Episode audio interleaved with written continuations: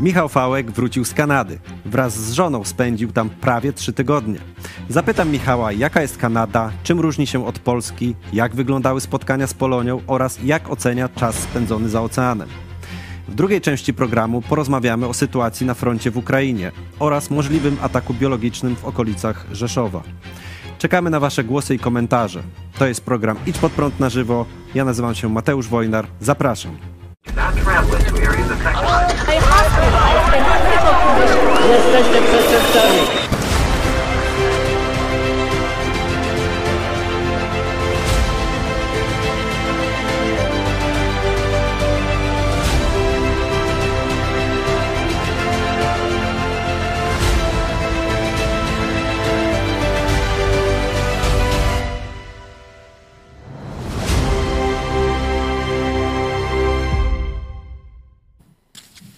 Witam Was bardzo serdecznie w programie Idź pod prąd na żywo. Jest y, piątek, 25 sierpnia, a moim i Wasz i Państwa gościem jest Michał Fałek, nasz redaktor, pastor, przedsiębiorca. Witam Ciebie, Wrócił Mateuszu. z Kanady. Witam Was, drodzy widzowie.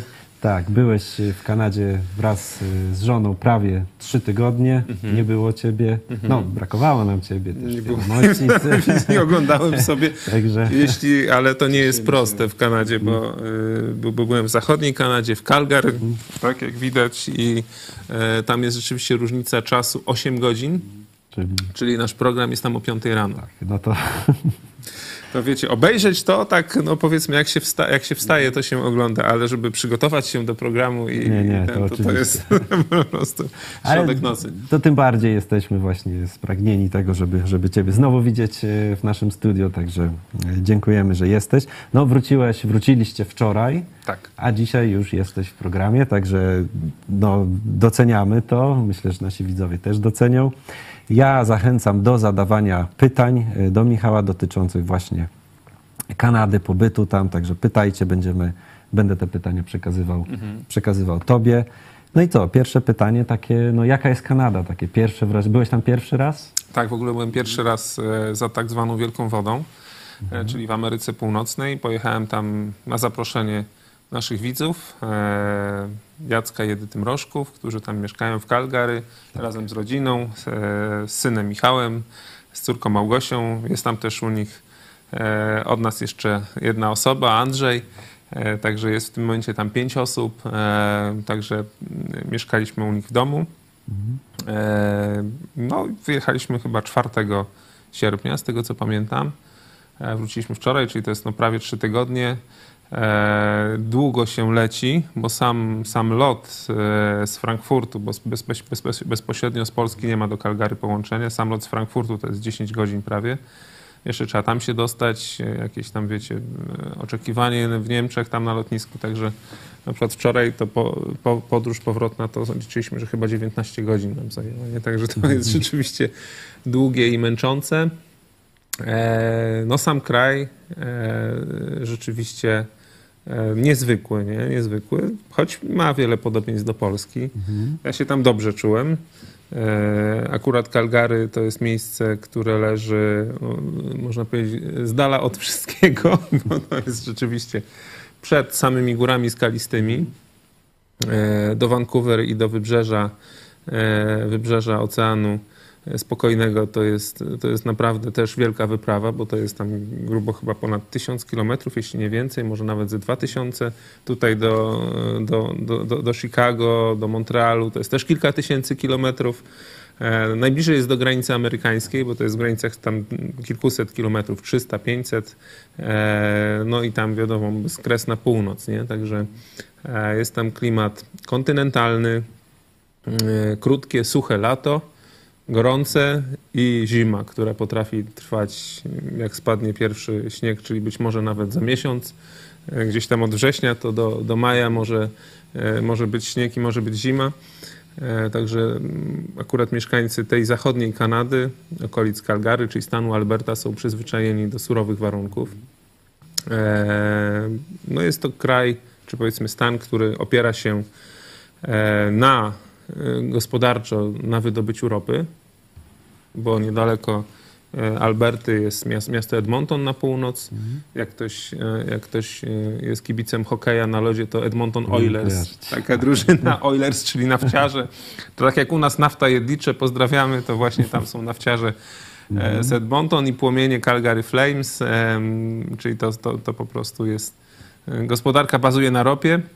Paliwo jest kilka razy tańsze niż w Polsce. Ciekawe, nie wiem, czy dlatego, że tam po prostu wydobywają ropę, czy dlatego, że po prostu są niższe podatki, jest to kraj wolności gospodarczej większej niż, Prawdopodobnie to drugie. niż w Polsce, mimo iż też, e, też władza obecna, no to nie jest władza taka mhm. powiedzmy konserwatywna, tak, pan Trudeau. Tak. E, I Kanadyjczycy niejednokrotnie, niejednokrotnie krytykują, no ale to podam wam dla, dla przykładu, choć miejscowi uważają, że jest to drogo, to paliwo kosztuje półtora dolara za litr. Mhm. Kanadyjskiego? Tak, Kanadyjskiego.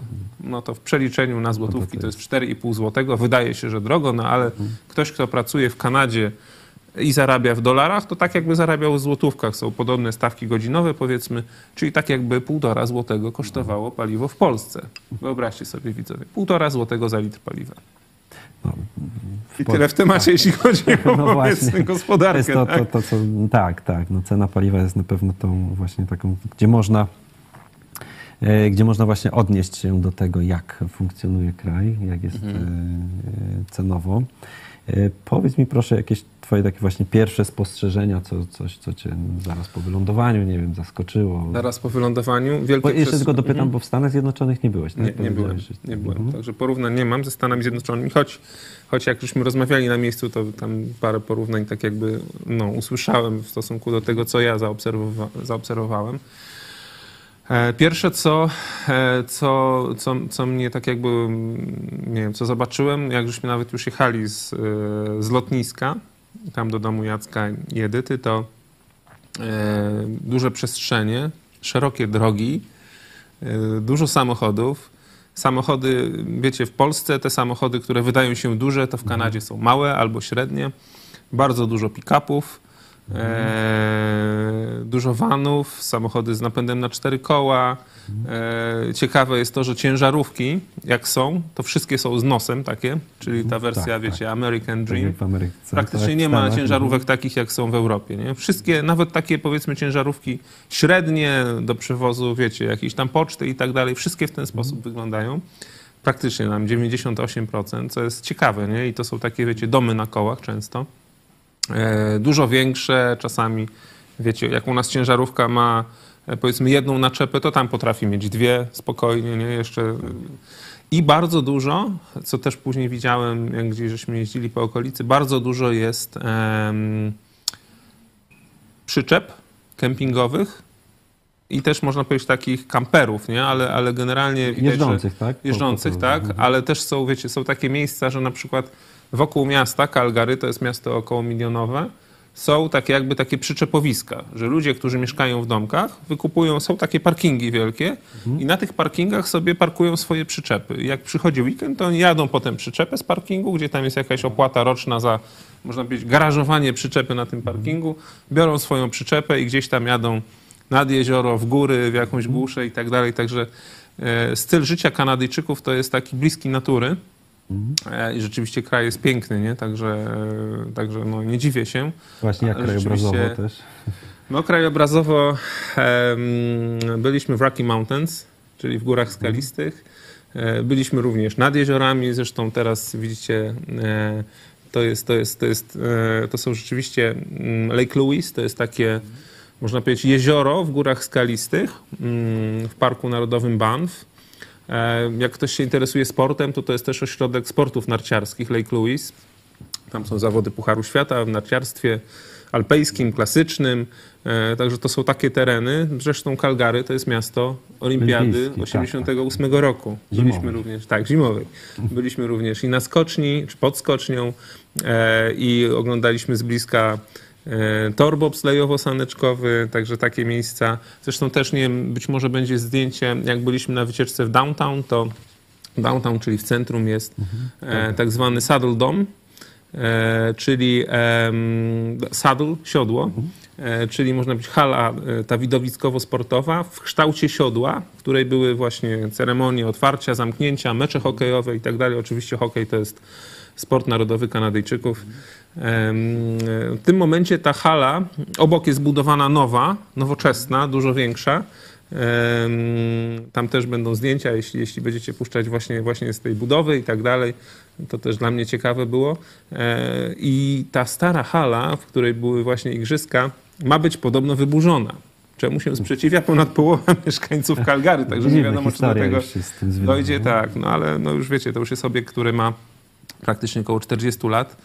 E, to już nie jest tak, można powiedzieć, nowoczesny, e, jakby chciało być. No tutaj na przykład, zobaczcie, to zdjęcie to jest e, nowoczesna biblioteka, główna biblioteka w Calgary.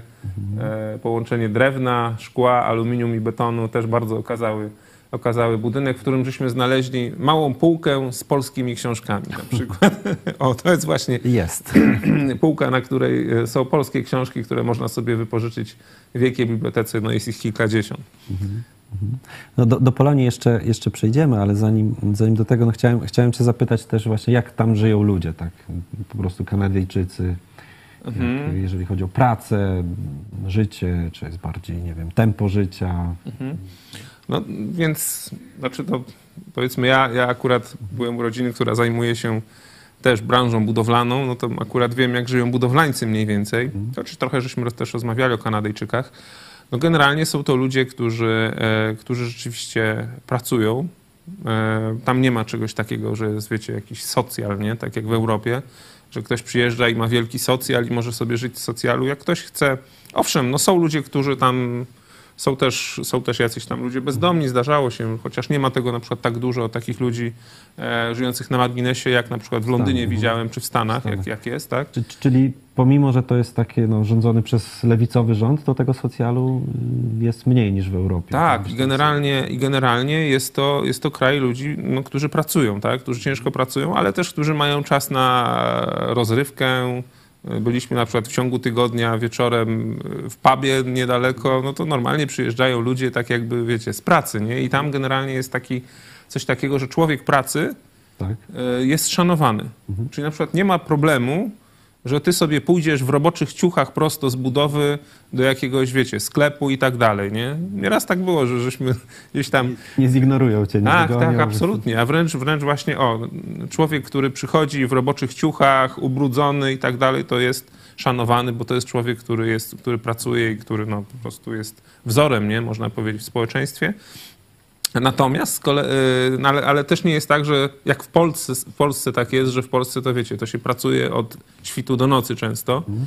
E, tylko Kanadyjczycy pracują, ale mhm. też znajdują czas na wypoczynek. Piątek, 14, e, czyli powiedzmy tak jak u nas będzie tam za godzinę niecałą, w Kanadzie za, za 8 godzin, to już jest czas, kiedy oni, już, już ich często nie ma w pracy i już myślą o czasie wypoczynku takiego powiedzmy rodzinnego o weekendzie, żeby gdzieś właśnie wyjechać, wziąć tę swoją przyczepę, pojechać w góry na przykład. na łonie, na łonie przyrody lubią tak, tak, tak. tak. Wiele też e, wiecie, no powiedzmy łodzie motorowe i tak dalej. Widać, że to też jest społeczeństwo, które jest mm, w porównaniu z Polską zamożne, mhm. w tym sensie, że ludzie jak pracują, no to mają jakiś tam domek, tak. ale mają powiedzmy każdy może mieć swój samochód, y, stać ich często właśnie na jakąś łódkę motorową, czy na właśnie przyczepę kempingową i tak dalej, i tak dalej. Owszem, często to może być na kredyt, ale kredyty też są dużo tańsze niż w Polsce. E, no i tak jak e, mówiłem, życie, choć na przykład nie wiem, no, produkty żywnościowe w porównaniu, jeżeli przeliczamy na polski, to jest, ale wiecie, no to jest takie trochę mm, zwodnicze, można powiedzieć, bo ktoś, kto zarabia w złotówkach i tam jedzie, no to on ma naturalnie taką tendencję tak, przeliczania. No nie? Natomiast ktoś, kto tam pracuje i zarabia w dolarach kanadyjskich, to go stać na, na to, żeby, nie wiem, pójść do restauracji, e, pójść do kina, które jeżeli przeliczamy, to jest tańsze niż w Polsce. Kupić sobie jakieś tam jedzenie, choć na przykład warzywa czy owoce wydają się drogie, ale wiele innych rzeczy jest dużo tańszych. E, odzież jest tańsza, samochody są tańsze niż w Polsce. No po prostu nie wiem, jak, jak tak, nie wiem, zobaczy się kraj, w którym, e, w którym no, ludzie sobie żyją, pracując i stać ich na wiele rzeczy, no to, no to nie wiem, jak Polska sobie radzi. No jesteśmy jakimś bardzo, narodem bardzo bogatych ludzi chyba, skoro wszystko jest u nas o kilkadziesiąt procent Droższe, droższe i jakoś sobie radzimy, nie? No to jeszcze zapytam cię o te takie właśnie sprawy żywnościowe, w sensie jak, jak oceniasz jakość jedzenia tam, no i też poziom zdrowia Kanadyjczyków, jak, jak to wygląda? Nie mam porównania ze Stanami Zjednoczonymi, e, bo w Stanach Zjednoczonych otyłych ludzi takich jest podobno tak. bardzo dużo. W Kanadzie nie widziałem. Nie widziałem właśnie e, wielu, ta- wie, wie, wiele takich osób. E, Natomiast no, my byliśmy u polskiej rodziny, to jedliśmy polskie jedzenie bardzo smaczne, bardzo smaczne, choć żeśmy tam parę razy próbowali jakichś tam powiedzmy rzeczy kanadyjskich, ale nie tylko, bo mieliśmy też okazję e, nie wiem, i kuchni japońskiej spróbować, w sumie niedaleko, bardzo smacznej gdzieś tam jak byliśmy na wycieczce, to, to byliśmy w takiej restauracji, także w ogóle Kanada, a propos właśnie Azji, to jest też kraj, gdzie jest wiele kultur, kultur tak? Już jak wyjdzie się na lotnisku, to widać, że są ludzie różnych ras, że wielu jest e, wielu jest Hindusów w turbanach, prawda? Wielu jest e, ludzi z Azji i tutaj wielu jest Filipińczyków, e, Japończyków, Chińczyków, Koreańczyków. W samym downtown jest takie małe Chinatown, e, taka powiedzmy dzielnica e, handlowa chińska. Mm, Także e, jest też trochę murzynów, choć nie jest tak bardzo, bardzo dużo, jak wydawało się, że może być, nie wiem, patrząc na przykład na Stany Zjednoczone i tak dalej. Także jest to bardziej społeczeństwo wymieszane, ale co ciekawe, e, jest bezpiecznie. Na przykład właśnie w porównaniu z Ameryką, tak, z dużymi miastami amerykańskimi, to jest, to jest bezpiecznie. E, Bez żadnego problemu można sobie chodzić po centrum e, i nic ci się de facto nie powinno stać. Choć są jakieś tam dzielnice, gdzie powiedzmy mieszkają ludzie o, e, o mniejszych zarobkach, standardzie życia i też, no, powiedzmy często no, sięgający po jakieś tam powiedzmy używki, czy jakieś takie życie prowadzący bardziej wyskokowe, no to tam Jacek mówił, powiedzmy, do tej dzielnicy bez kija nie należy wchodzić, ale to nie jest tak, że gdzieś tam że są polowania na Mhm. ludzi i tak dalej, no nie? To, to jest dużo, dużo inna, znaczy jest różnica w stosunku do Stanów Zjednoczonych. pewno. No, w zeszłym tygodniu, to przypominam, rozmawialiśmy z Martyną Kulec na temat właśnie Stanów Zjednoczonych i uzależnienia od, e, od narkotyków i też opowiadaliśmy też historię z Chicago, także nasi widzowie są, są na bieżąco, no to tu ten obraz Nie, e, rysuje tutaj tego się nie ma.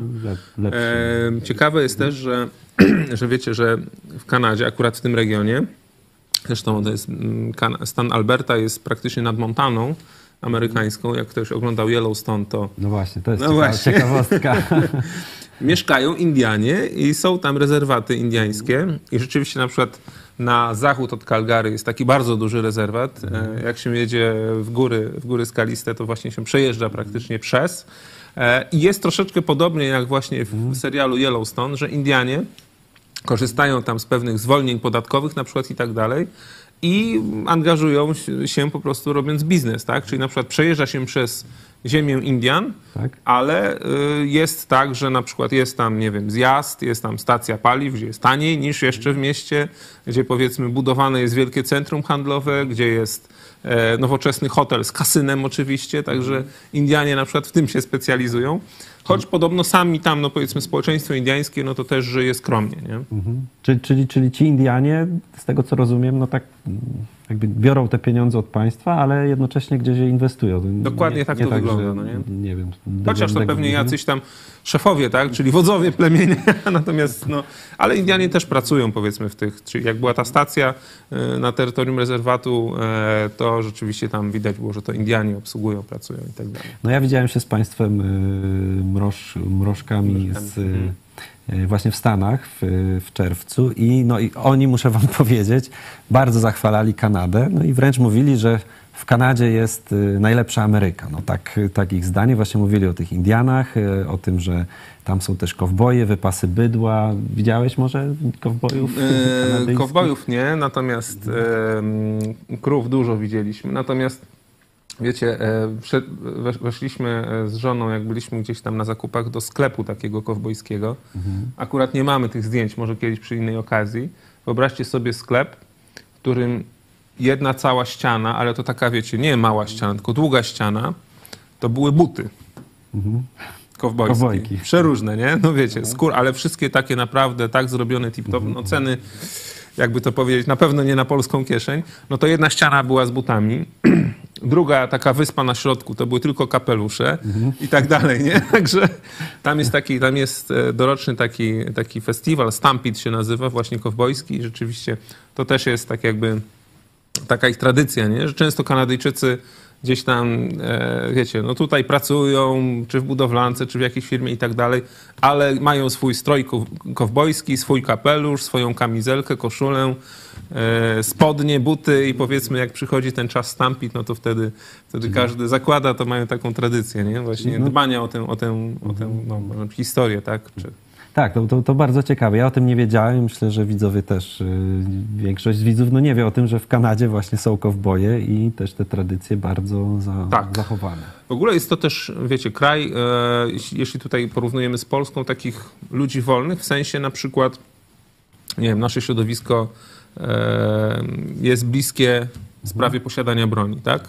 W Kanadzie jest tak, że owszem, e, no trzeba wystąpić tak jakby na policję, no i oni tam ci przysyłają, że nie ma problemu, sprawdzili cię, wszystko się załatwia, wiecie, tam nie ma urzędów, nie ma chodzenia do urzędów.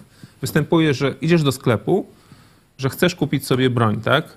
No to w sklepie jest taka procedura, że w sklepie, e, ok, biorą od ciebie dane, wysyłają, sklep wysyła powiedzmy do tam miejscowej, nie wiem, policji czy coś, czy urzędu, urząd sprawdza cię, w tym sensie, no jeśli nie miałeś kłopotów z prawem i tak dalej, to e, daje sklepowi po kilku dniach informację i sklep do ciebie przysyła mailem, że tak, zapraszamy po zakup broni, nie?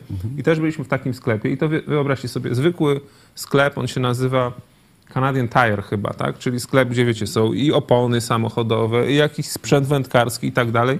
I jest jedna alejka, ona jest lepiej zabezpieczona, ale cała alejka, tak jak sobie wyobrażacie w jakimś, nie wiem, obi, taka duża, same karabiny i strzelby. I sobie możesz wejść i kupić po prostu. I ceny też są lepsze niż w Polsce, dużo, dużo, nie? Bo można za kilkaset dolarów kanadyjskich kupić sobie jakiegoś porządnego shotguna i tak dalej, nie?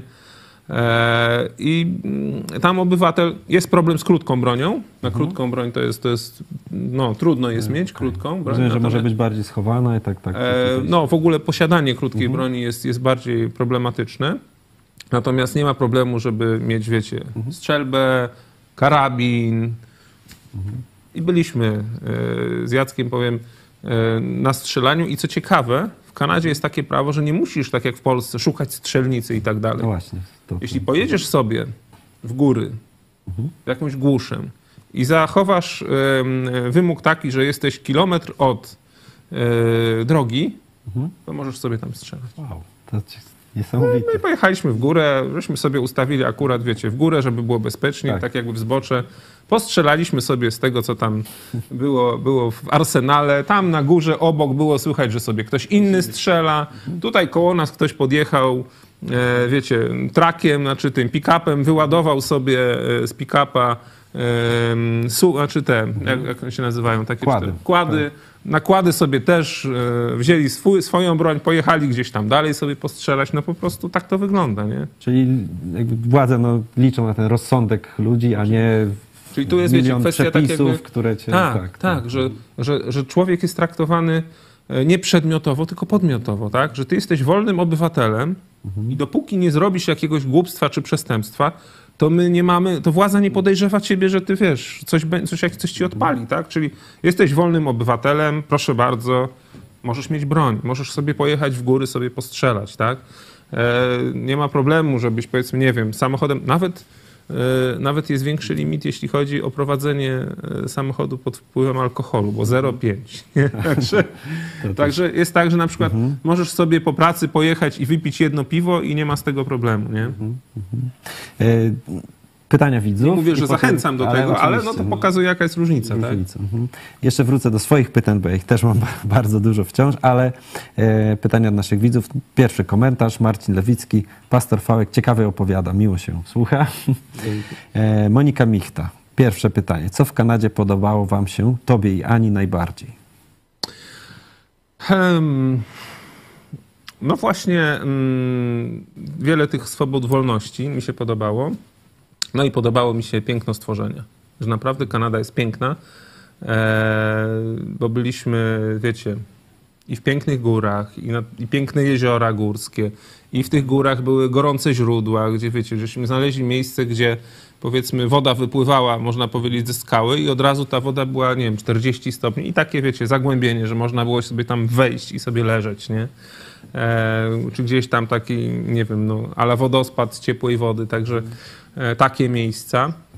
E, I, znale- I właśnie mieliśmy innym razem być okazję w takiej, taką, w takiej Kanadzie, jak sobie wyobrażałem, taką dziką Kanadę, nie? że z drogi głównej, żeśmy jechali szutrem przez jeszcze kilkanaście albo kilkadziesiąt kilometrów, taką drogą szutrową, cały czas gdzieś tam w góry. No tak jak, nie wiem, w polskich Beskidach, tylko że wiecie, nie ma żadnego domu w promieniu kilkudziesięciu kilometrów być może, tak? E, I rzeczywiście jest jakaś tam głusza, choć ludzie się trafiali, bo akurat to był taki dzień, tam zresztą sobie ludzie przyjeżdżali, nie wiem, motocyklami, motocrossowi pojeździć, kładami i tak dalej, także tak czas spędzali, ale właśnie takie przestrzenie, piękna przyroda. E, ludzie są uprzejmi, to jest właśnie też, też ciekawe, że Kanadyjczyk, to jest śmieszne, że tam przeprosi cię prędzej niż tam, jak to cokolwiek, jak nie będzie ci mógł pomóc, to będzie cię tam przepraszał i tak dalej, nie? Weszliśmy do jakiegoś sklepu, o coś się pytaliśmy, nie było tego, to nas tam przepraszali i tak dalej. I w ogóle są uprzejmi ludzie, nie? Co jest ciekawe, nie? Ja na przykład jeżdżę, jeżdżę dużo po Polsce samochodem i wiecie, to polskie hamstwo na ulicach, to, że wiecie, wyścig, nie? Że muszę być przed kimś, muszę tam pogonić światłami i tak dalej. Nie wpuszczę. Nie wpuszczę i tak dalej. Tam czegoś takiego nie ma. Tam jest coś takiego, że ludzie jeżdżą po pierwsze zgodnie z przepisami w miarę, no nie? A po drugie żadnej napinki nie ma.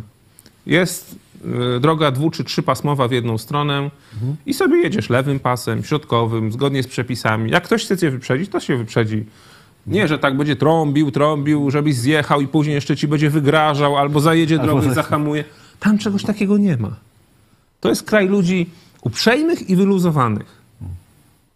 Także wiecie, no, coś, co, co, czego mi w Polsce brakuje, nie? Że w Polsce to jesteśmy po prostu na siebie, wiesz, Polak Polakowi wilkiem, nie? I tylko, żeby, nie wiem, kogoś y, upokorzyć, okraść, oszukać, zrobić mu na złość, nie? Pogrozić mu i tak dalej.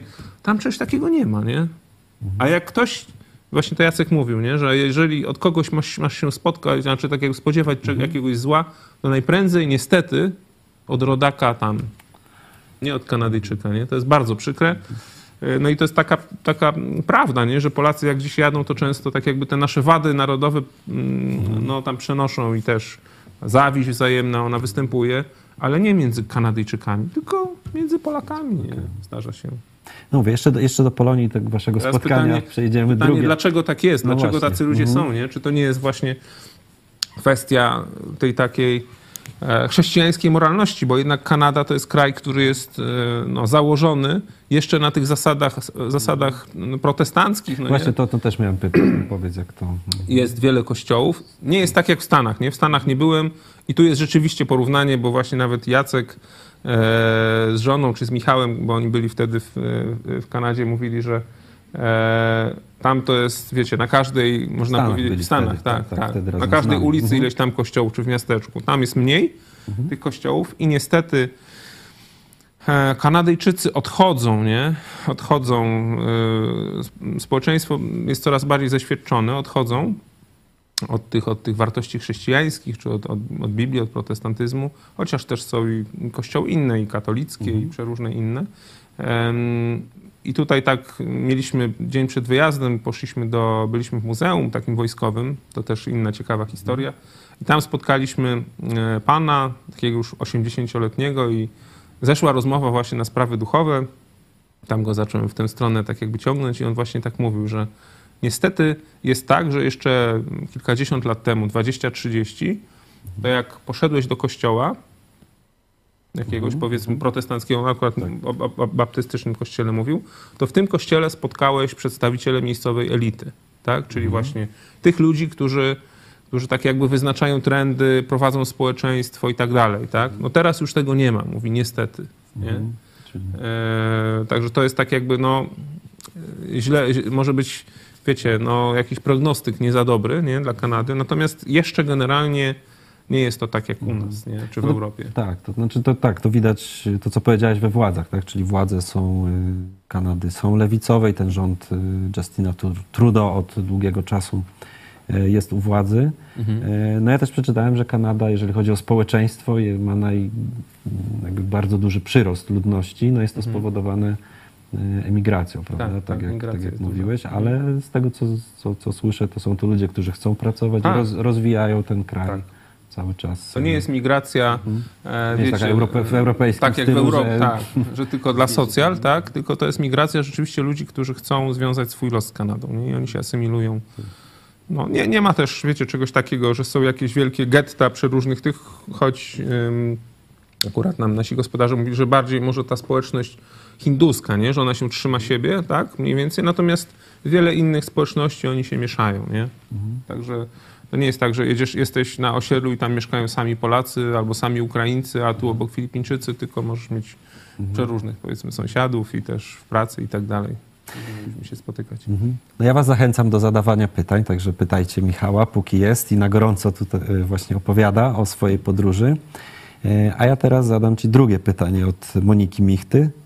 Co Wam przeszkadzało najbardziej? Czyli pytanie przeciwne do tego pierwszego. Hmm. Co nam przeszkadzało? E, różnica czasowa z Polską, że jest utrudniony kontakt, mm, e, kontakt, to to nam przeszkadzało jedynie. Hmm. Chyba nic więcej. Naprawdę byliśmy tak wspaniale ugoszczeni i przyjęci tutaj. E, wielkie słowa podziękowania Jackowi, Edycie, Michałowi, Małgosi, całej rodzinie. Nic nam nie brakowało. Mieliśmy bardzo ciekawe i rozmowy, i wyjazdy, e, i te wycieczki. Zobaczyliśmy pewne rzeczy. No, my tam też mieliśmy jakąś tam swoją misję duchową. Ona została spełniona, mam nadzieję, e, dobrze. E, Ale naprawdę no, nie jestem w stanie powiedzieć, żeby coś mi jakoś przeszkadzało. No powiedz Może, jeszcze, wiecie, może jakby przyszła zima, nie? I by Tak. nagle okazało się, że jest full śniegu, że ciężko tam wytrzymać, to wtedy byłoby gorzej. Bo rzeczywiście trafiliśmy na czas takiej pięknej pogody. Choć nie wiem, czy słyszeliście, czy o tym było mówione, u nas tam niedaleko y, były potężne pożary y, w Kelownie, takiej, takim mieście, które jest za jednym pasmem, czy za dwoma pasmami gór skalistych, bo one tak są w ułożeniu północ-południe, Tak, tak. prawda? I powiedzmy, Kelowna jest mniej więcej w połowie drogi do Vancouver. Tam były takie, takie potężne pożary, że nawet, y, nie wiem, kilkadziesiąt tysięcy ludzi było ewakuowanych i tak dalej. No po prostu... I rzeczywiście był też taki, że tak jakby ten pożar lasów, nie? bo to są mm, pożary lasów, tych dzikich lasów, które, które kiedyś nie występowały, teraz występują. I wiele osób twierdzi, że to może być jednak kwestia podpaleń, nie? że niestety tak to jest. E, że one na przykład powodują, że robi się taki aż smog troszeczkę czasami. Czasami jest tak, że jest dzień, gdzie nie ma przejrzystości dobrej powietrza. Nie wiem, byliśmy dwa razy w górach, to raz było po prostu idealnie, a drugiego, za drugim razem no to już, to już nie wiem, góra, którą wiedzieliśmy, że tu jest, jadąc samochodem jej prawie, że nie było widać. Nie? I to były po prostu powietrze, które napłynęło z zachodu, e, no, z ten dym, powiedzmy, z tych, tych, e, z tych palących się lasów. Nie? Także z tym się Kanada teraz mierzy, e, z, z taką, można powiedzieć, tragedią. No to to może troszeczkę, można powiedzieć, przeszkadzało, ale to wiecie, to jest drobiazg, nie? Generalnie dla, z mojego punktu widzenia, choć na pewno wielka tragedia dla tych ludzi, którzy tam Tak, mieszkają. no, mieliśmy też rozmowę z pastorem Bobem Kraftem odnośnie pożarów na Hawajach, także Hawaje. coś rzeczywiście. No, to jest dokładnie coś takiego. Pożary przez, przez cały świat, bo w, w Europie też, e, też były. E, Powiedz mi jeszcze odnośnie może gospodarki i ekonomii. Ty jako przedsiębiorca na pewno Mhm. pytałeś, jak wygląda prowadzenie biznesu, mm, podatki, łatwość o, zakładania. podatki. Bardzo ciekawa rzecz. Podatek VAT, nie? Mhm. Jak myślisz, jaki jest w Kanadzie? Nie wiem, może te 10%? Nie. Podatek? VAT jest, jest taki, że, znaczy w ogóle to jest ciekawe, że każdy, każdy, no można powiedzieć prowincja, tak, bo tam są prowincje, tak, ma swoje, swoje przepisy i może być tak, że jest większy podatek, mniejszy, że może być w ogóle bez podatku. Akurat prowincja Alberta ma podatek doliczany po zakupie, czyli powiedzmy ceny, które widzisz w sklepie, to są ceny netto, Czyli tak jak w Stanach. tak jak w Stanach, tak? Czyli na przykład, nie wiem, coś kosztuje 20 dolarów, idziesz e, ten, e, idziesz, bierzesz 20 dolarów, idziesz do kasy i nagle okazuje się, że Że jednak troszkę to jednak troszkę więcej, ale to nie jest dużo więcej, bo to jest 5%, tak? No nie, no. Podatek VAT to jest 5%. No to ja myślałem. Czyli coś, co jest za 10% to 20 już dolarów, no to jeszcze musisz dolara dołożyć, nie? Ojej, Także podatek no VAT jest faktycznie. 5%. No i to pokazuje, wiecie, wow, nie? Że da się, żeby, żeby Tak, ten. tak, tak. No i teraz no, wyda wydawać by się mogło, że jak taki niski podatek, jak jeszcze nie ma Unii Europejskiej, to tam się nic nie dzieje. Nie? Otóż nie. Okazuje się, że e, stan Alberta inwestuje bardzo. Cały czas, wiecie, jedziemy gdzieś tutaj, modernizacja drogi, tutaj budują jakiś, wiecie, cały kompleks, jakiś, nie wiem, rozwidlenie, łączenie dróg, także wiecie, no wielkie inwestycje infrastrukturalne to widać. W mieście też coś tam się buduje, remontuje i tak dalej, także stan się rozwija, czy prowincja się rozwija, choćby ten wielki nowy kompleks sportowy i tak dalej, mimo iż jest tylko 5% podatek. VAT, ale jednak da się, nie? Czyli teraz pytanie, czy w Polsce jakby nie było tego złodziejstwa rządu, tego rozkradania, tych wszystkich fundacji, e, a byłby niski podatek, to by, to by się nie dało? No może by się dało. Choć na przykład, no różnice są takie, że na przykład szkolnictwo wyższe jest prywatne. Czyli nie ma, tak jak u Czyli nas trzeba płacić. studiów e, państwowych, nawet jak są studia państwowe, to one też są płatne, tak? I trzeba płacić. Ale to z kolei jest, mm, jakby to powiedzieć, takim, wiecie, młodzi ludzie są, są wcześniej już e, samodzielni. I czymś normalnym jest, że e, rodzice kanadyjscy, e, 18-latka powiedzmy, już, już idziesz z domu i idziesz, zarabiasz na swoje, nie? tak. I młodzi ludzie pracują, nie? E, czy na stacjach, czy w marketach i tak dalej. Nie ma tak jak u nas, bo Polska to katolicki kraj, w niedzielę nie wolno pracować, prawda? Tam wolno pracować w niedzielę i właśnie w niedzielę pracują ci młodzi ludzie, którzy sobie na przykład zarabiają, na Dorabiają studia, do studiów. Mhm. Czyli wiecie, powiedzmy część społeczeństwa pracuje od poniedziałku do piątku, a są ludzie, którzy sobie, na przykład mło- mło- młodzi ludzie, e, czy młodzi dorośli, którzy sobie pracują, no owszem, oni w tym momencie no, mają, nie mają powiedzmy luksusu tego, że mogą wypoczywać, bawić się i tak dalej, ale już są dorośli, już są samodzielni, już potrafią się sami utrzymać. Bo państwo daje im taką możliwość. A przecież normalne jest też, że kiedy ludzie pracują powiedzmy od poniedziałku do piątku, to oni sobie chętnie w sobotę czy w niedzielę pojadą na zakupy, na przykład, nie wiem, po drodze nad jezioro i tak dalej. W Polsce jest to niemożliwe. Bo w Polsce gdzie wszyscy mają być w niedzielę? W kościele. Właśnie. Którym? Katolickim. I nie wolno pójść do pracy. Absolutnie. E, No to porozmawiajmy może właśnie o tym spotkaniu, e, spotkaniu z Polonią. E, To wydarzenie, e, które miało miejsce w niedzielę, tak? Bo to w zeszłą niedzielę, Tak, 20 tak, poprzednią sierpnia. niedzielę. Mhm. Jak to, jak to oceniasz? Co się tam wydarzyło w ogóle? Opowiedz, jak to przebiegło. Tutaj pierwsze słowa podziękowania dla pana konsula honorowego, Tak. e, pana Zygmunta Potockiego. No my mieliśmy okazję jeszcze przed tym, przed tym wydarzeniem spotkać się, porozmawiać, bo pan, pan Mhm. konsul zaprosił właśnie e, nas e, i Jacka, żebyśmy mogli się Mhm. wcześniej spotkać, żeby właśnie miały okazję poznać nas, e, co myślimy, kim jesteśmy i tak dalej. Także e, było to bardzo ciekawe spotkanie. Pan Zygmunt okazał się rzeczywiście człowiekiem, no takim, e, jakby to powiedzieć, dyplomatą starej daty, nie? No w tym sensie... Mamy go teraz tutaj na tak, tak, tak, tak, tak. E, Człowiek no, wysokiej klasy i rzeczywiście mm, też rozmowa z nim taka osobista to jest mm, bardzo tak jakby no powiedzieć takie ciekawe wydarzenie, takie intelektualne, nie? Mm, No, choć jest to człowiek, który wiele lat, bo już kilkadziesiąt lat, można powiedzieć, jest tam. Przyjechał w latach 80. Najpierw był w Stanach, później w Kanadzie. E, pełni funkcję społecznie, tak, konsula honorowego, ale jest bardzo szanowany przez, e, prze, przez miejscową społeczność, e, przez, przez tych lokalną Polonię. Mieliśmy to spotkanie w Polish Canadian Cultural Center, czyli w takim, można powiedzieć, domu polskim. Też bardzo fajne miejsce, naprawdę takie okazałe, reprezentacyjne.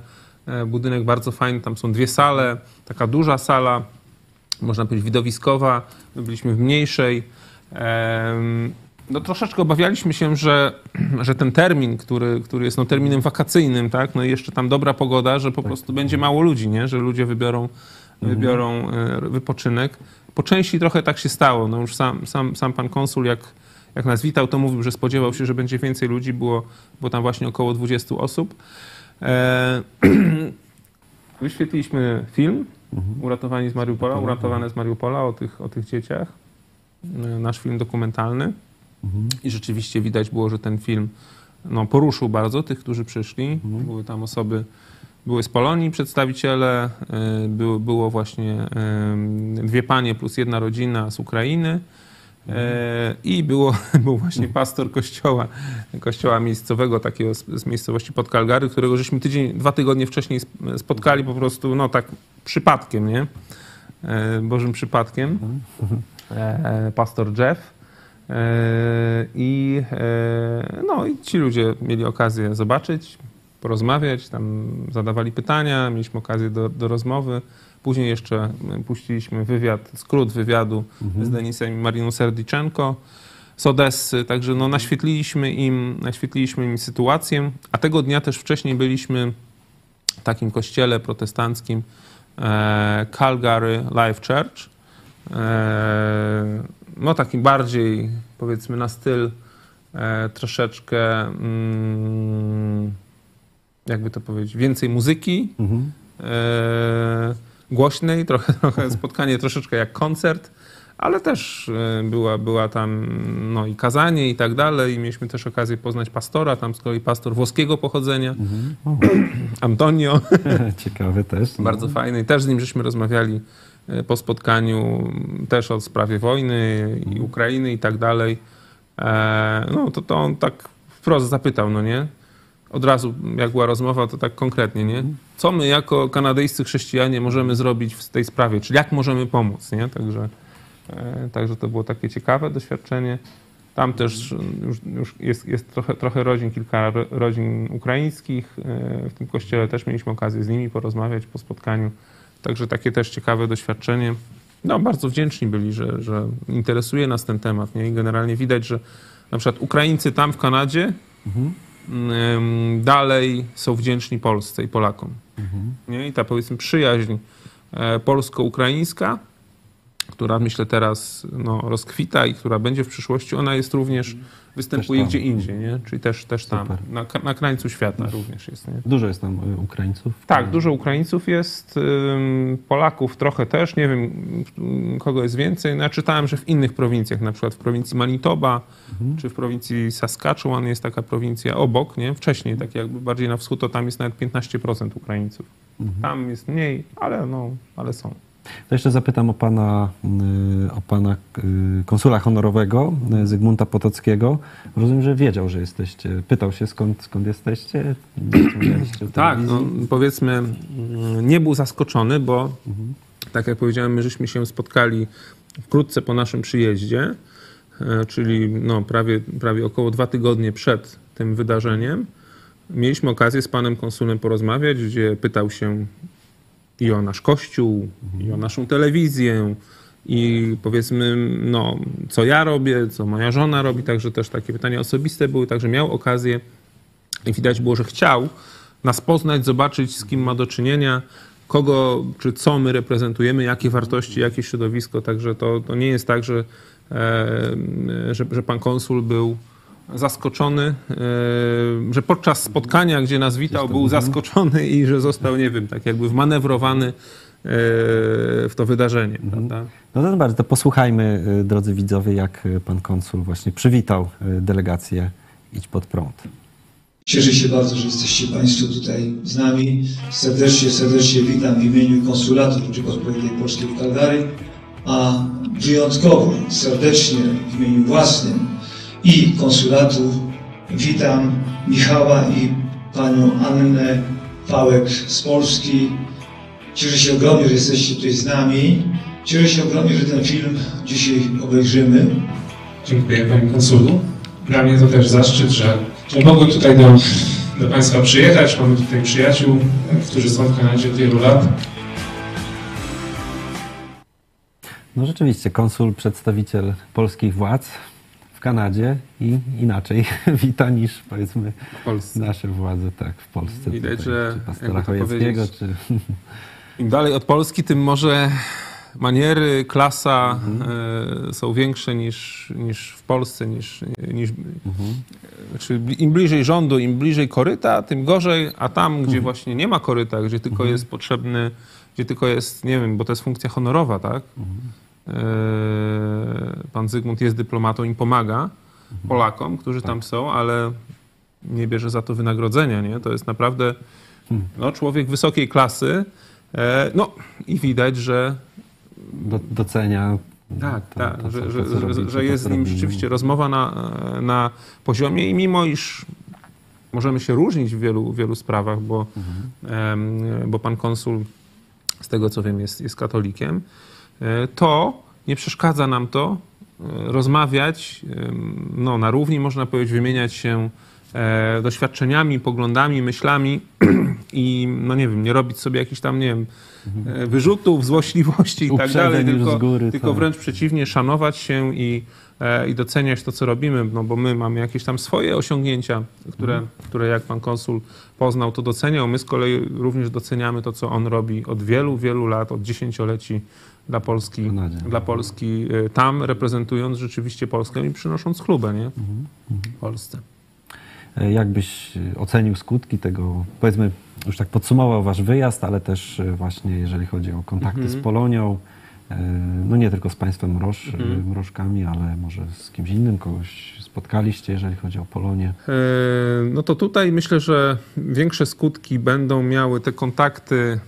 Znaczy tak, z panem konsulem m, ten kontakt myślę, że będzie jeszcze, oby, nie, mam, mam taką nadzieję, miał taki skutek czy taki wymiar, że po obejrzeniu filmu em, pan Zygmunt no, ta, ta, taką myśl powiedział, że o ten film powinno zobaczyć więcej ludzi.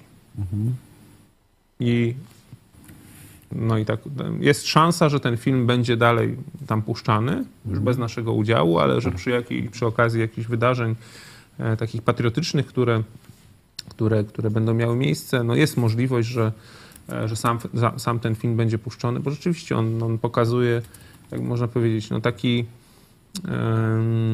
wycinek tego, co Polacy, nie tylko nasze środowisko, ale też i przecież Amerykanie, tutaj Matt Shea i e, jego przyjaciele, no ale co można powiedzieć, ludzie dobrej woli, e, bo też jest pokazane to, co się działo na granicy w tym filmie i tak dalej, robili, e, co ludzie dobrej woli robili na początku wojny, nie? czyli jak Polacy i nie tylko, jak chrześcijanie też amerykańscy, bo my żeśmy tylko im pomagali w zasadzie, nie?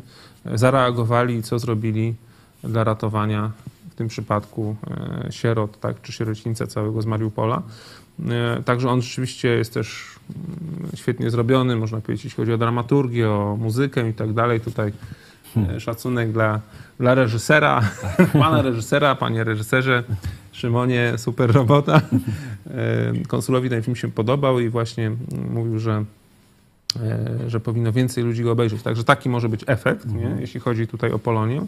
Natomiast myślę, że te kontakty, które żeśmy nawiązali e, z pastorami, e, z tym pastorem e, włoskiego pochodzenia i z pastorem z tego kościoła w Nanton, to jest miejscowość, jak się jedzie na południe od Calgary. Zresztą to bardzo ciekawa historia, mogę ją krótko powiedzieć, jak się okazało, żeśmy się spotkali, bo jechaliśmy w pierwszy, w pierwszy weekend, w pierwszą niedzielę, kiedy tam byliśmy, był, był plan, żeby pojechać właśnie nad jezioro, wziąć ponton gdzieś tam, pojechać nad jezioro e, i jedziemy sobie samochodem z Jackiem, jego rodziną i nagle widzimy bombowiec, nie? Mhm. Obok. Myśl, no, okazało się, że jest Muzeum Bombowców, nie?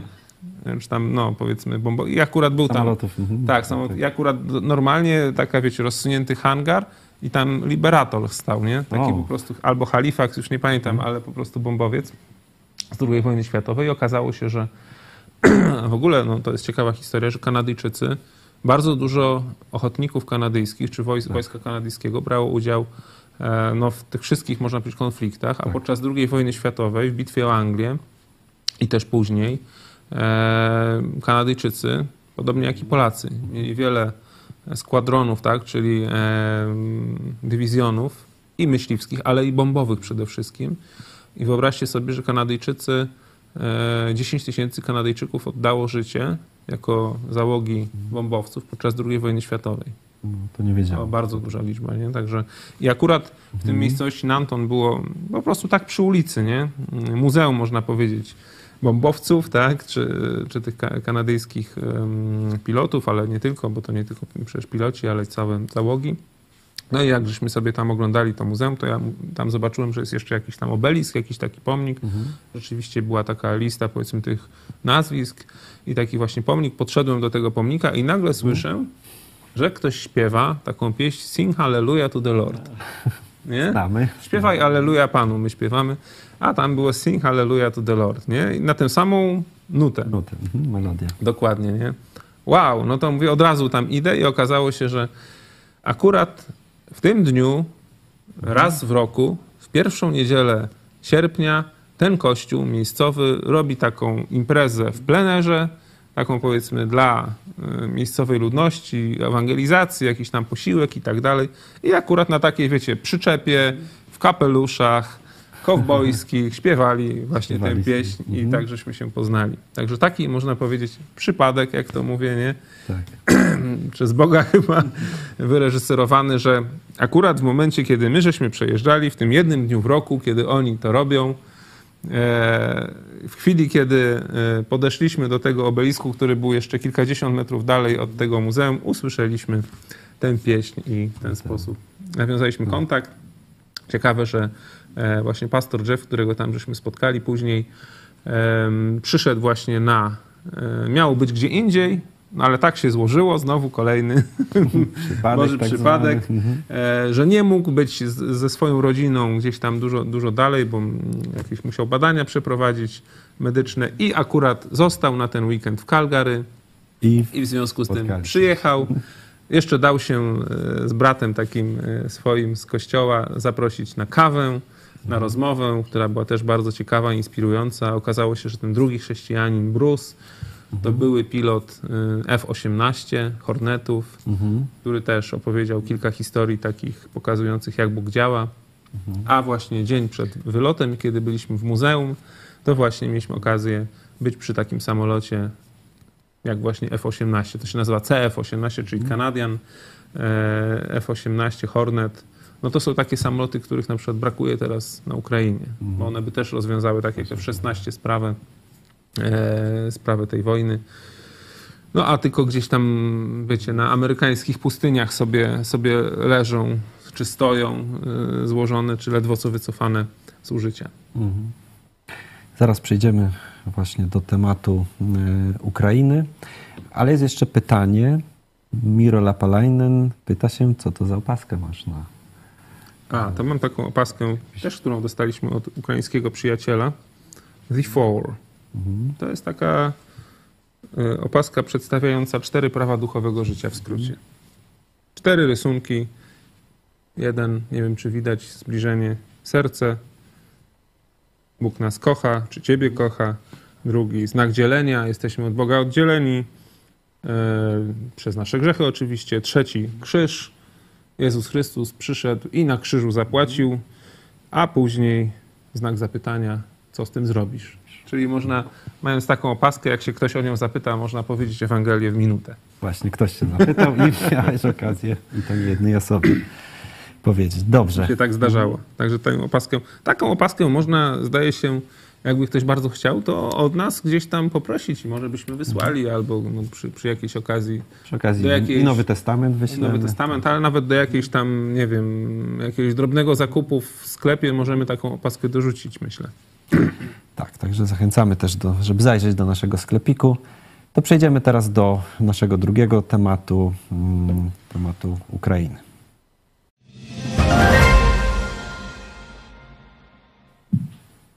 Jeszcze za, zanim porozmawiamy ściśle o Ukrainie, to zbliża się koniec miesiąca. Za tydzień mamy, za tydzień mamy e, już, e, no jeszcze tak, za tydzień będzie ostatni dzień sierpnia.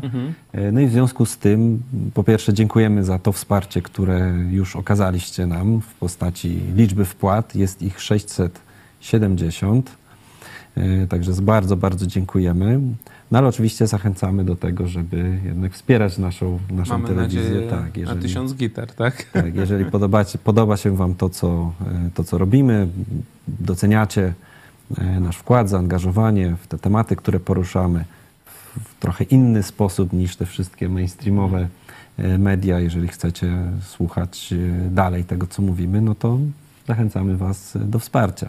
I też możemy pokazać krótki, krótki film tutaj od naszych kolegów e, z redakcji, e, którzy właśnie też chcieliby e, w tym temacie powiedzieć. Puzzle są różne, różnych kształtów, duże i malutkie, ale nawet ten najmniejszy jest niezbędny, żeby powstał cały obraz. W sierpniu mamy już 670 puzli, 670 wpłat małych i dużych. Dziękujemy. Do tysiąca brakuje jeszcze 330. Zachęcamy do wsparcia.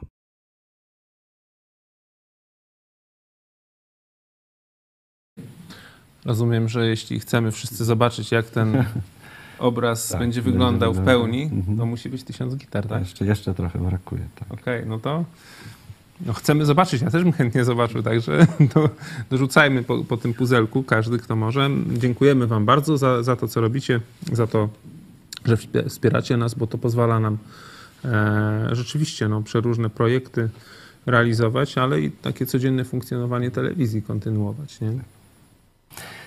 Dobrze, Michał, co, y, co w Ukrainie? Miałeś czas dowiadywać się, jak w ogóle w Kanadzie są informacje o Ukrainie? Tak, to w Kanadzie żeśmy na lotnisku już dowiedzieli się, że został zestrzelony samolot Prigorzyna, także że tam też, te, te, też można powiedzieć, media o tym donoszą. Choć nie mieliśmy tam czasu na, na jakieś, nie wiem, słuchanie na co dzień mediów kanadyjskich. Raczej bazowaliśmy na, na tych źródłach. Ja bazowałem na tych źródłach, z których korzystam na co dzień. No, starałem się znaleźć czas, żeby, żeby powiedzmy być na bieżąco. E, wiele się wydarzyło w ostatnim czasie. Wiele się wydarzyło. No, można też przypomnieć, że e, w dniu wczorajszym był, był Dzień Niepodległości Ukrainy. Tak. Czyli święto, święto Narodowe Ukrainy. E, Przedwczoraj był Dzień Flagi Ukraińskiej, tak? czyli tak jak u nas jest drugi i trzeci powiedzmy maja, to właśnie oni mają 23-24 sierpnia swoje święta. E, I Ukraińcy uczcili to kilkoma takimi sukcesami, e, można powiedzieć niezwykłymi. E, Między innymi, no bo to, no, śmierć Prigorzyna to nie jest sukces ukraiński. Ukraina się do tego nie przyznaje. Myślę, że to jest działanie Putina. To jest oczywiste, nie? Zakładając, że ta śmierć jest, jest, praw, jest prawdą, no bo też są, są przeróżne, można powiedzieć, teorie, że być może zostało to sfingowane i tak dalej. Ja osobiście myślę, że jest prawdziwa, nie? Że ta śmierć została, mm, jakby to powiedzieć, no, Prigorzyn okazał słabość, a Putin Czyli ostatnie Tego nie słowo, wybacza. ostatnie słowo musiało być Putina. i, Tak, tak. E, Też ciekawe jest, że Prigorzyn zaufał, zaufał wtedy, kiedy bunt, e, bunt się nie, nie dokończył e, w czerwcu, to zaufał Putinowi, bo podobno dostał list żelazny, nie? Mhm. Że, że będzie żył, nie? Podobno też miał jakieś e, kompromaty na Putina. No teraz zobaczymy, czy w ciągu najbliższych dni coś się pokaże. Może być też tak, że na przykład FSB czy służby, powiedzmy, e, no, czy Putin, czy tam jacyś jego, e, powiedzmy, no, egzekutorzy weszli w posiadanie nie, tych, powiedzmy, materiałów, które, czy zabezpieczyli te materiały, które miałyby, powiedzmy, ich skompromitować, no i dlatego już nie było problemów, żeby, Żeby go- Prigorzyna odstrzelić. Nie? Przy, okazji, przy okazji został też zabity Utkin, Utkin, czyli e, ten właśnie zbrodniarz, e, no, naj, najwyższy dowódca wojskowy w Wagnerze, od którego można powiedzieć została, mm, bo to on właśnie lubował się w słuchaniu muzyki Wagnera i to od tego jest, jest, jest nazwa, Nazwa Wagnera, tak, całej grupy. Utkin to jest taki, taka postać, która miała emblematy em, SS, SS, no SS po prostu wy, wytatuowane, nie? wydzierane na tym, na swoim ciele, także to prawdziwy nazista, można powiedzieć, także denazyfikacja Ukrainy to jest wszystko na wspak czytamy u ruskich, nie? Tak. E, bo to właśnie naziści najechali Ukrainę, żeby podobno ją zdenazyfikować, no to właśnie ten e, główny nazista, czyli Utkin też, e, też stracił życie, co jest dobrą wiadomością, nie? bo to, że zbrodniarze wojenni, bo trzeba przypomnieć, z Prigorzyn to jest zbro- zbrodniarz wojenny, to, że zbrodniarze wojenni stracili życie, to jest dobra wiadomość. I to nie tylko w, w Ukrainie, bo przecież działali już wszędzie i Tak, wspierali tak, tak. Putina i w Syrii. I Te zbrodnie to są Afryki. cała Afryka, właśnie Syria i tak dalej. Nie? Także no, powiedzmy, to nie jest sukces ukraiński, ale, ale um, kilka sukcesów ukraińskich jest, bo właśnie wczoraj, czyli w, w Dzień Święta Narodowego, były te informacje, że Ukraińcy wylądowali na Krymie. nie? że zaatakowali w połowie Krymu. Tam taki jest e, półwysep malutki i tam, e, tam bardzo, bardzo ważną, ważny sukces mieli militarny, bo zniszczyli system obrony, można powiedzieć, wybrzeża Bastion, a to jest system, który przez Rosjan był używany do wystrzeliwania rakiet e, Onyx, których Ukraińcy nie byli w stanie strącać. Nie? Czyli to są rakiety, którymi na przykład niszczyli ostatnio Odessę Rosjanie. Właśnie Onyxy, one są z prędkością naddźwiękową, lecą i po prostu dopóki patrioty nie będą w Odessie, no to te rakiety, rakiety są niezestrzeliwalne, a patrioty są wokół Kijowa. Te systemy, które Ukraina ma, jeszcze ich jest za mało w Ukrainie, dlatego, dlatego można powiedzieć, wszystkie Onyxy docierały do celu. No to po prostu ten bastion został zniszczony, nie? Można powiedzieć, działaniami wywiadu ukraińskiego, czyli no jednostek specjalnych. E, no i tam oni e, ilu trzeba, powiedzmy, ruskich załatwili. Zniszczyli też system obrony przeciwlotniczej S-400, czyli ten, można powiedzieć, najnowszy, Nowszy, który, tak. który, Turcja, e, który Turcja kupiła, co było, co było mm, swego czasu, można powiedzieć, przyczyną e, no, zachwiania stosunków tak, między Turcją a Stanami Zjednoczonymi. Zniszczyli też ostatnio kilka e, wyrzutni S-300, właśnie w ciągu ostatnich dwóch dni, także można powiedzieć, pokazują, że na Krymie już, już nasza stopa pos, jest, jest, no nie? E, to jest bardzo ważny, można powiedzieć, komunikat. No i też e, cały czas cisną na froncie południowym zaporowskim, tam szczególnie ta miejscowość Robotyno i tam wydaje się, że w końcu jest możliwy przełom. Zresztą wczoraj Załużny powiedział, że są na progu przełomu, tak, dokonania przełomu. Tak. I też dzisiaj w nocy były informacje, że Ukraińcy atakują tam dużą ilością jednostek sprzętu ciężkiego. Mówi się nawet o 100 sztukach e, sprzętu, które Rosjanie zobaczyli, czy nawet więcej. Są różne, różne, różne komunikaty, e, co pokazuje, że być może Ukraińcy rzucili tam właśnie te brygady zapasowe, które do tej pory nie wchodziły do gry. A sama bitwa o roboty, no ona de facto już jest wygrana. To jest ciekawe, bo też czytałem dzisiaj takie zestawienie sił, które brały udział po stronie ukraińskiej i rosyjskiej. E, I to rzeczywiście była największa bitwa tej wojny, bo e, ktoś, kto tam no, zliczał, można powiedzieć, te jednostki, to Ukraińców tam było około 50 tysięcy atakujących. Wiecie, na małą wioskę, nie? E, Można powiedzieć, a Rosjan broniło się nawet między 100 a 150 tysięcy. Czyli to była, wiecie, bitwa gigantyczna, nie? która już de facto, e, już de facto została przez Ukraińców wygrana. E, Już tam jest, no różne, różne są źródła. Niektórzy mówią, że jeszcze tam kończą oczyszczanie, a niektórzy mówią, że już poszli dalej w, w kierunku miejscowości Tokmak. To jest bardzo ważna miejscowość czy miasto, bo to jest miasto, które jest węzłem komunikacyjnym. Czyli jeśli Tokmak będzie, nie wiem, okrążony, zajęty, ale najważniejsze, że szlaki komunikacyjne będą przez Ukraińców opanowane, dochodzące do miasta, to w tym momencie Rosjanie nie mają już możliwości to kiedyś pokazywaliśmy taką mapę linii kolejowych, które właśnie przechodzą Tak. przez Tokmak na Melitopol. Jeżeli Tokmak będzie zajęty lub w okrążeniu, to w tym momencie Rosjanie nie mają możliwości, jak przesyłać zaopatrzenia na Krym korytarzem lądowym. Czy ten korytarz Mhm. lądowy, który, który mają, jest praktycznie niefunkcjonalny. Zostaje wtedy tylko Ten most rozwalić został, tak? Mhm. most nie? i po temacie. Nie? I można powiedzieć, że tylko czekać, aż Rosjanie, e, aż Rosjanie wywieszą białą flagę, bo nie będą mieli jak zaopatrywać całego Krymu. Mhm. Także Ukraińcy są, można powiedzieć, u progu e, tego sukcesu, tego przełamania. Na pewno no, będzie to trudne, nie? ale to Mhm. tak, jak, tak jak pamiętacie, nieraz już to mówiliśmy, że rok temu, kiedy e, zdobywali Hersoń, to też trwało 4 miesiące. Tak, tak, tak. Nie? Teraz ta ofensywa trwa 2,5 miesiąca. Czyli wygląda na to, że tym celem jest teraz Krym. Tak, generalnie Który tak. można jakoś tam łatwiej odciąć, bo tylko od strony morza jest, rozumiem. No, znaczy najbliższym takim celem strategicznym to jest dojście do Morza Azowskiego. Mhm. I tutaj mamy nadzieję na to, że jeśli Ukraińcy ten sukces osiągną, a to będzie wielki sukces, no to będzie to wystarczające dla tych, którzy w Rosji chcą odsunąć Putina, żeby go odsunąć. Tak, czyli, czyli też ten Krym jako taki symbol Tak, tak. Tej, tej dominacji Rosji e, w Ukrainie. Czyli, Tak, czyli rozumiem, że ten zachód, czy przepraszam, tak, zachód, Uk- wschód Ukrainy na razie jeszcze nie, nie atakują. Też, są- też są takie powiedzmy opracowania, czy, czy nie wiem, analizy, że Putin byłby gotów oddać Mhm. Ukraińcom Ługańsk i Donieck, tym bardziej, że tam jest, wiecie, wszystko Mhm. zrabowane, wszystko zniszczone, to oddaje, można powiedzieć, spaloną ziemię, byle tylko Krym zachować, dla niego Krym jest dużo ważniejszy. Czyli Ukraińcy przeciwnie, właśnie Krym chcą odbić. A oni chcą wtedy... w pierwszej kolejności y, Krym wziąć. No i później już w ramach negocjacji pokojowych, dobra, może jeszcze weźmiemy tam tę ziemię. tak. No, czyli jest tak- no, tak to ciekawe, wygląda. ciekawe zagranie. Tak, tak. Myślę, że udało. najbliższe, Mhm. najbliższy, nie wiem, tydzień, dwa czy miesiąc to będą bardzo ciekawe i trzeba im e, życzyć sukcesu, modlić, Modlić się o nich tak. oczywiście, e, wspierać, gdzieś tam, nie wiem, popierać, przekazywać dobre informacje, żeby oni widzieli, że, e, że, że my jesteśmy tutaj z nimi nawet w tej wersji, no, w tej warstwie medialnej, bo naprawdę może być tak, że niewiele im brakuje, bo tam jak się, jak się front, po, wiecie, jak, jak zrobią przełamanie, Mhm. i front się zacznie sypać, Tak. to się może posypać po prostu do końca, nie? Bo to jest tak, że była pierwsza linia obrony, oni już ją sforsowali, teraz są na drugiej linii obrony, na tej powiedzmy linii Surowikina, te takie, wiecie, piramidy, można powiedzieć, betonowe i tak dalej. I oni też są informacje, że już w paru miejscach ją, ją przeszli, nie?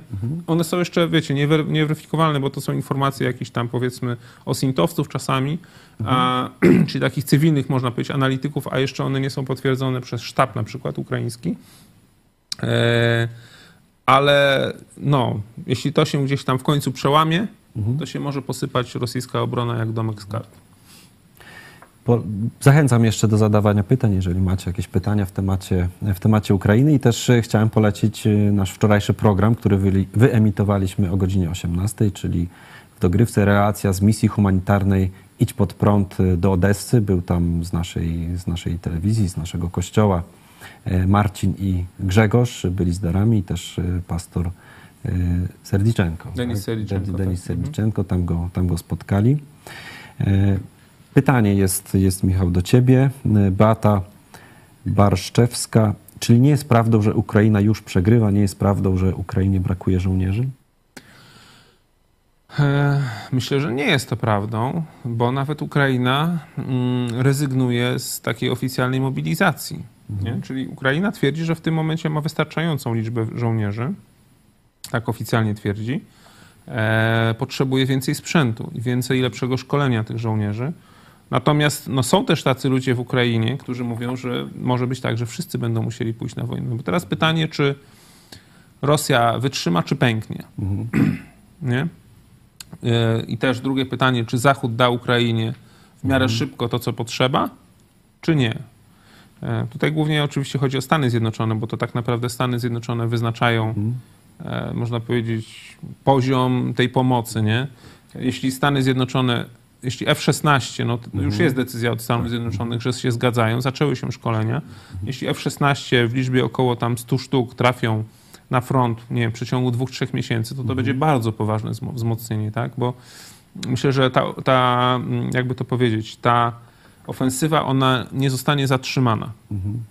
Właśnie o to miałem pytać. Czy jak Tak. twoje zdanie, czy to jest już teraz stawka o wszystko, że nie mogą się zatrzymać, muszą... E, nie no, w tym sensie nie powiem. zostanie Mhm. zatrzymana, że Ukraina myślę, że się szykuje również do zimowej ofensywy, czyli nawet do tego, żeby te działania, owszem, przyjdzie czas tych deszczy i tak dalej, będzie im trudniej być może, ale oni raczej sobie nie pozwolą na kolejne zamrożenie w zimie, no bo zamrożenie Ileś rok temu, miesięcy, tak, tak, tak. Ileś, na ileś miesięcy dało Rosji czas na zbudowanie rzeczywiście takich Umocnienie tam, umocnień, których no, tak. nie było gdzieś tam w, w świecie, można powiedzieć, w historii wojen nowoczesnych. Także to zatrzymanie, myślę, drugi raz nie wchodzi w grę i myślę, że Ukraińcy szykują się do tego, żeby kontynuować tę ofensywę, nawet jeżeli nie zdążą przed zimą, to i w miesią- miesiącach zimowych. Tym bardziej, że mówimy o froncie o południu, nie? No to powiedzmy jest różnica pomiędzy tam Zaporożem, a powiedzmy Charkowszczyzną, tak? Też, też i w warunkach pogodowych pewnie. Także myślę, że na to, na, to, na to Ukraińcy się nastawiają.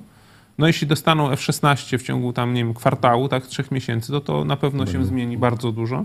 No i pytanie, co będzie do F-16, czyli jakie będzie uzbrojenie? No i pytanie, czy załóżmy będą te niemieckie Taurusy, amerykańskie ATACMS-y, tak, te, te powiedzmy precyzyjne rakiety o, o zasięgu, nie wiem, 300, 400, 500 kilometrów, tak? Tak. Jeżeli to by było, to wtedy oni nie potrzebują więcej żołnierzy, bo zauważcie, że oni w ten sposób prowadzą tę ofensywę, żeby bardzo oszczędzić swoich żołnierzy. Zaczęli ostro, Tak. zaczęli tak, jak im wszyscy radzili i okazało się, że ponieśli rzeczywiście duże straty i w sprzęcie, i w ludziach na początku i powiedzieli nie. Wcale nie musimy tego w miesiąc zrobić i poświęcić, nie wiem, 100 tysięcy ludzi, tak? Tak jak Ruscy to robili w No Bachmucie, tak? No i że oni tak, teraz, który- tak, który sprzęt. oni teraz robią to tak, że metodycznie wybijają drony, artyleria, oczyszczają w nocy pola minowe, to o tym niejednokrotnie mówiliśmy, nie? I po prostu idą dzień po dniu po tam 100, 200, 500 metrów, nie? No w ten sposób powoli to idzie, ale za cenę małych strat, zobaczcie te liczby, które powiedziałem o, tym, o tej bitwie pod Robotynę, nie? Ukraińcy wygrali tę bitwę, mając 50 tysięcy żołnierzy, a Rosjan 100 do 150, czyli mieli stosunek 1 do 2 lub 1 do 3 mniej było atakujących na umocniony teren i wygrali tę bitwę. A normalnie przyjmuje się, że atakujących powinno być trzy razy więcej, Więcej. nie? żeby była szansa. A tu odwrotne były stosunki i ją wygrali. Ale trwało to długo. Metodycznie, powoli, po prostu niszczą ruskich i tak jakby niszczą ruskich, szczególnie ruską artylerię w stopniu takim, który nie jest do odtworzenia. Czyli mo- no, można powiedzieć, że właśnie tej ofensywie, kiedy zaczęła się ofensywa dwa miesiące temu, na początku czerwca, to ja już teraz mówiłem, nie? ale tak jak się śledzi liczbę straconych przez Rosjan czołgów i artylerii, nie? to było tak, że na początku ofensywy czołgów Ruscy mieli więcej straconych, bo dochodziło do 4 tysięcy, artylerii było tam ze 3,5 tysiąca, a teraz czołgów mają tam, nie wiem, 4400, a artylerii mają już grubo ponad 5 tysięcy, nie? Odwrotnie. Odwrotnie, nie? A to właśnie artyleria jest tą bronią, która pozwala piechocie siedzieć w okopach. No bo powiedzmy mają ochronę artylerii, jest walka artyleryjna, kontrbateryjna tak, zwana i, i pie- piechota siedzi w okopach. A kiedy nie ma artylerii z tyłu, no to Ukraińcy swoją artylerią, a jeszcze dostali teraz amunicję kasetową, która po prostu dla ruskich jest szokiem, nie? I są takie informacje, że bardzo duże straty ponoszą Rosjanie i ona jest trudna do zaleczenia. Rany od artylerii kasetowej są trudne do, e, wiecie, do zaleczenia w warunkach bojowych, nie? No, no to jest ta, ta amunicja, która nie jest, że tak powiem, Nie jest zabroniona, nie jest zabroniona.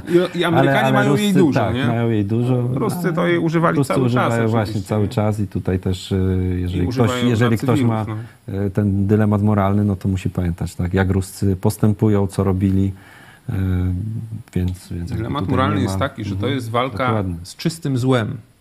Z czystym złem, które nie przebiera w środkach i robi naprawdę wielkie potworności. Nie? I jeżeli nie chcemy mieć kolejnej buczy w każdym mieście, można powiedzieć, to po prostu mamy prawo użyć wszelkich środków, żeby, to, żeby z tym walczyć. Nie? Niestety ta zła, nie ma- zła nie ma strona nie, rycerskości. nie, że tak powiem, Rycerskość jest, kiedy Właśnie. Rosjanin wystawia białą flagę. To wtedy Ukraińcy są rycerscy i go nakarmią, wezmą go do obozu i tak dalej, no nie? To wtedy tak. Ale w samej walce to nie ma. Po prostu trzeba wyeliminować to zło. Czyli tych Rosjan, którzy noszą karabin, no niestety trzeba zabić. To jeszcze zapytam może krótko o tym newsie Legionella w y, Rzeszowie.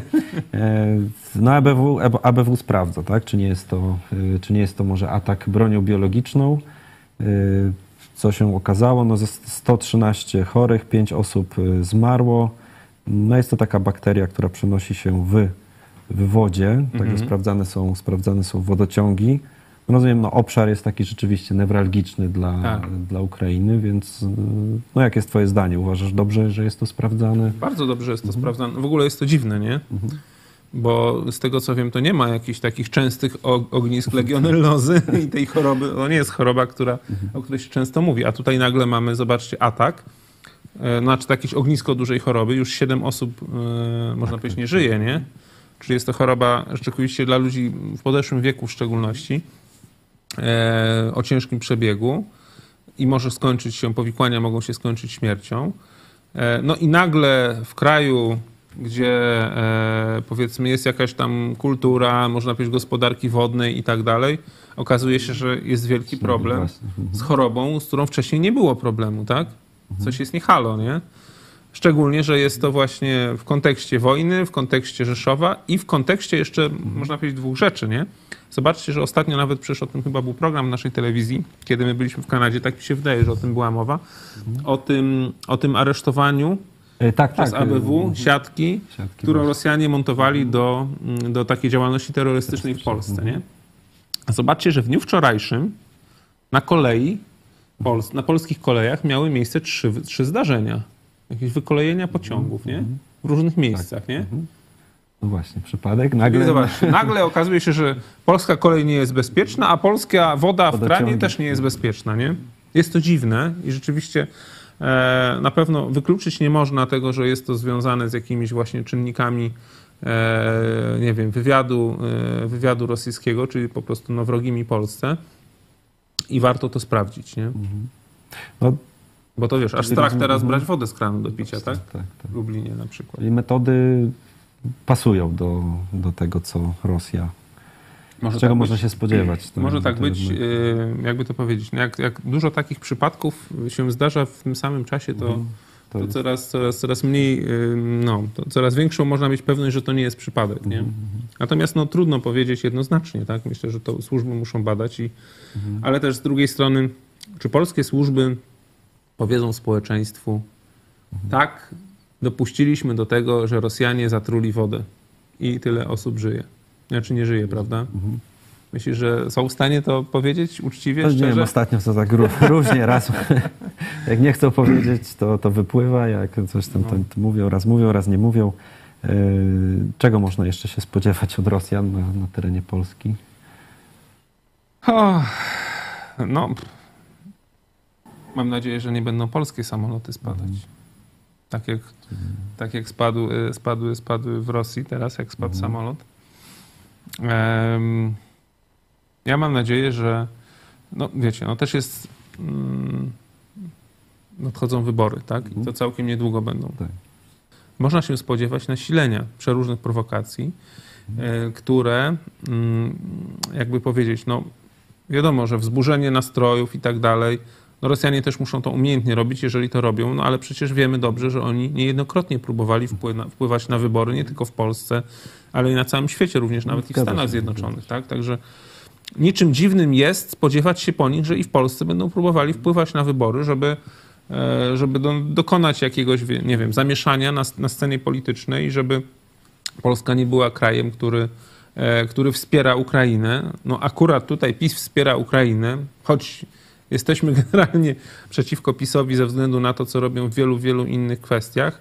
Ale pytanie, czy na przykład mm, opozycja nie wspierałaby Ukrainy e, lepiej, czy nie bardziej tępiłaby Rosjan? No trudno, trudno wiemy powiedzieć, nie, nie wiemy tego do, dokładnie. Nie? Natomiast na pewno Rosjanie będą chcieli swoje ugrać przy wyborach w Polsce.